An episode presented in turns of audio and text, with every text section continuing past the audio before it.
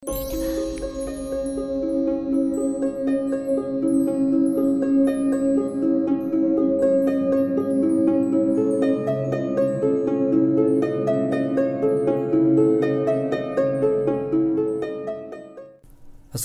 warahmatullahi wabarakatuh. Salam sejahtera buat kita semua.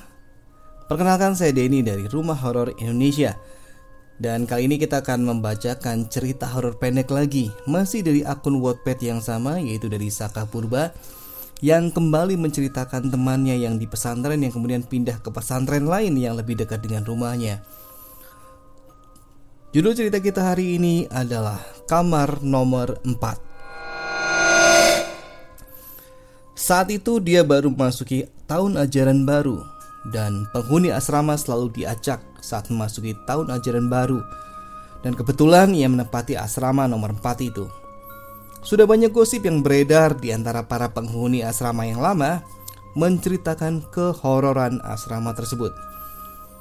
Salah satunya menceritakan bahwa saat santri liburan, Pak Satpam yang berjaga sering mendengar anak kecil berlarian di dalam asrama tersebut. Ada pula seorang teman yang bercerita bahwa ia pernah melihat sosok hitam besar berambut panjang sedang mengintip dari jendela kamar tersebut. Tapi bukan itu yang akan kita ceritakan saat ini. Saya deskripsikan dulu ya. Bentuk kamarnya itu bentuknya L. Maksudnya kamarnya biasa, tapi tempat tidur-tempat tidurnya itu dibuat berbentuk L. Jadi tiga di sisi satu, kemudian tiga lagi di sisi yang membentuk sudut 90 derajat atau siku-siku gitu. Dan itu ada dua lapis dan itu semua tertutup oleh lemari.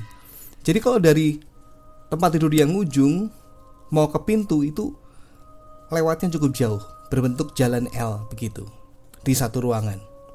Cerita ini bermula pada pagi hari saat ia mengalami sakit gigi dan memutuskan untuk istirahat di dalam asrama. Di kamar itu saat itu hanya ada dia sendirian karena teman-temannya sudah berangkat ke kelas dan biasanya baru kembali saat sore hari. Nah, kebetulan tempat tidur dia ini berada di paling ujung yang di pojok. Karena di sepanjang sisi lain ranjangnya dikelilingi lemari, jadi kalau mau keluar harus muter dulu. Saat itu kira-kira jam 10 pagi, saat dia lagi pulas-pulasnya tertidur tiba-tiba dia dikagetkan oleh suara seperti ranjang yang digebrak-gebrak beberapa kali. Suaranya berasal dari ranjang paling ujung yang dekat pintu. Tapi karena dia pikir itu adalah guru piket yang lagi memeriksa kamar, dia nggak ambil pusing dan langsung tidur. Dan lanjut tidur. Selang beberapa menit, dia kebangun lagi karena mendengar suara ranjang digebrak-gebrak lagi. Tapi sekarang suara itu datang dari ranjang yang lebih dekat. Dia bangun dan kaget karena gak ada orang di dekat ranjang itu.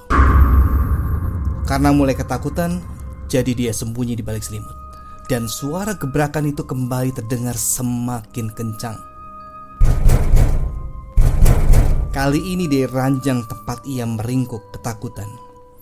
Di balik selimut, dia samar-samar melihat sosok hitam besar sedang menggebrak-gebrak ranjang seolah sedang menyuruhnya untuk masuk kelas. Gebrakannya makin lama makin kencang dan ia mulai tak sadarkan diri.